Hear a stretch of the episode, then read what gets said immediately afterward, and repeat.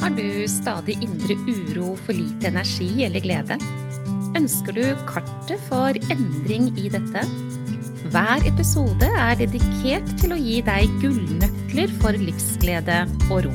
Du får strategier og innspill som hjelper deg fra nedstemt til oppstemt og fra uro til ro. Vil du ha en gratis oppskrift for å lage deg gode dager? Gå til www.gayabalanse.no for din herlige morgenrutine.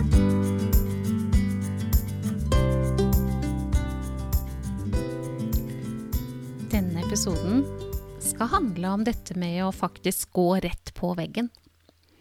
Og om det er sånn at dersom man går rett på veggen, så er man mislykket.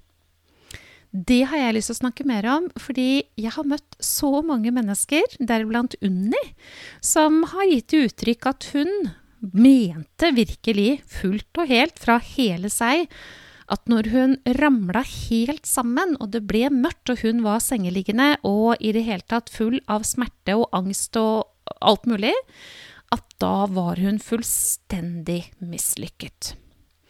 Bli med meg gjennom denne episoden, for jeg tror at jeg har viktigheter å komme med. Håper at du har lyst til å lytte. Vet ikke om du har erfart dette med å brenne deg selv ut, da. Brenne lys i begge ender, sier vi, og så går det jo skikkelig gærent på midten, ikke sant?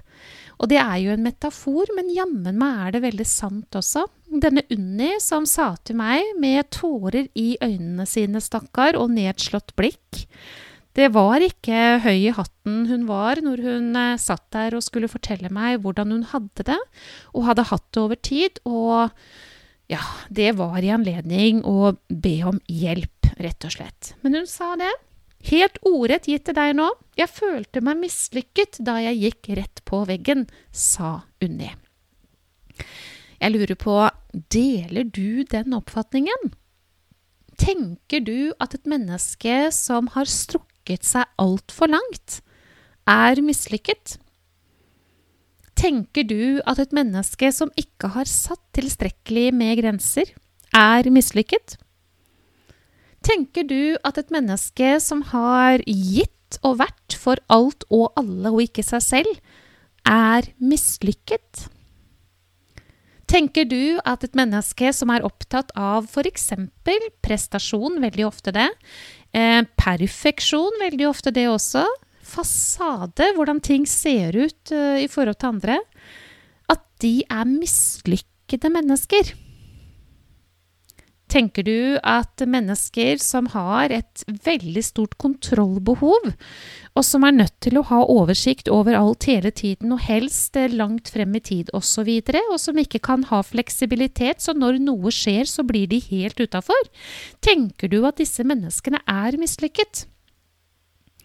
Jeg spurte Unni da jeg lyttet til hennes tanker hvor hun fortvilet fortalte meg hvor vanskelige ting hadde vært, hvordan hun hadde stått på i alle år, hvordan hun hadde fått til og vært for andre og i det hele tatt, og hvordan det hadde blitt når det ikke var mer krefter å hente.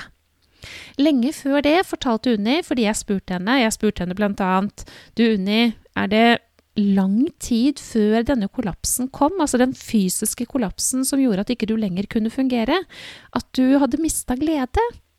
Unni sa at det var det. Hun kunne faktisk ikke huske sist hun var glad, men det var i hvert fall svært lenge før den fulle og hele kollapsen hadde kommet. Det var virkelig tilfellet. Jeg spurte henne om uh, hvordan det hadde vært med energinivået hennes uh, forut for uh, dette mørket som kom, da.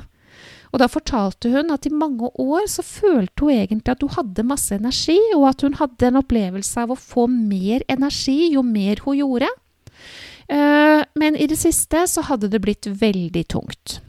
Hun fortalte det at hun hadde ettermiddager når hun kom hjem fra jobb, hvor hun egentlig ikke orka å flytte kroppen. Hun kunne bare ikke for sitt villeste, for sitt villeste indre forestille seg hvordan hun skulle kunne klare å lage middag til familien sin. Eller kjøre datter på trening. Men hun klarte det jo. Jo da, det ble middag, vet du, og det ble kjøring, og det ble ditt og det ble datt, og det ble selskaper, og det ble klesvask og husvask og takvask og ytter, ytter og alt mulig, vet du. Det ble alt dette til tross for at hun hadde en opplevelse av mangel på energi. Helt til det ikke var mulig å komme seg ut av senga, da vel å merke. Vet du, alt dette her henger sammen. Eh, vi får, dersom du har fulgt med meg i denne podkasten nå en stund, hørt på andre episoder, så er det jo sånn at vi mennesker, vi får beskjed. Vi får ganske tydelig beskjed, men spørsmålet er jo om vi lytter. Unni hun mente helt bestemt at når hun ikke kunne klare å gjøre alt det hun hadde gjort før, så var hun fullstendig mislykket. Hun mente på egne vegne at hennes verdi var målt, og ble hele tiden målt, fra henne selv i hva det var hun kunne gjøre. Og så spurte jeg henne, men, men kjære deg, Juni, altså når jeg hører hvordan du har holdt på, så tenker jeg jo bare at men det er jo ingen som kan holde på sånn som det du har gjort i så mange år, uten å få eh, beskjed om at dette her er for voldsomt. Unni så på meg med store øyne som om jeg skulle ha ramla ned fra månen. vet du. Hun skjønte jo ikke hva jeg sa. Hun mente at dette her var jo helt normalt. At det var sånn man måtte gjøre. Så sa jeg, men du må ta imot, Unni, at det du har holdt på med, det er grenseløshet. Du har presset deg og strukket deg i alle retninger. Du har ikke sørget for balanse mellom aktivitet og hvile. Du har ikke sørget for å sette de grensene som skal til for at du får dekket dine behov. For hvile, for søvn, for påfylling, for det å bare være.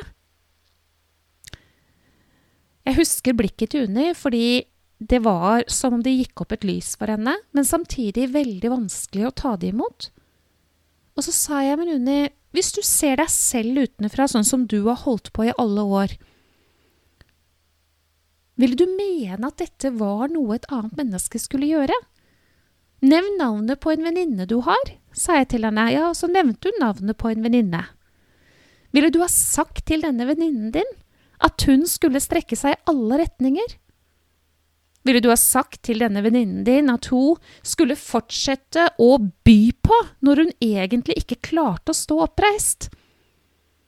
Ville du ha sagt til venninnen din at hun var mislykket dersom hun hadde gått på veggen? Hun ble stille, og så sa hun nei, det hadde jeg aldri gjort, jeg hadde ikke tenkt tanken engang. Nå forstår jeg hva du mener, sa Unni. Ja, og den der er helt nødvendig å korrigere, fordi at sannheten er at når man først har gått på denne berømte veggen, da, disse symptomene som er ganske typiske med ja, beskrivelse som mørke, angst, depresjon, smerter, utmattelse Det kan være mye her, veldig mye faktisk. Men det er iallfall et sted ingen av oss vil være. Men da har vi egentlig vært sterke altfor lenge.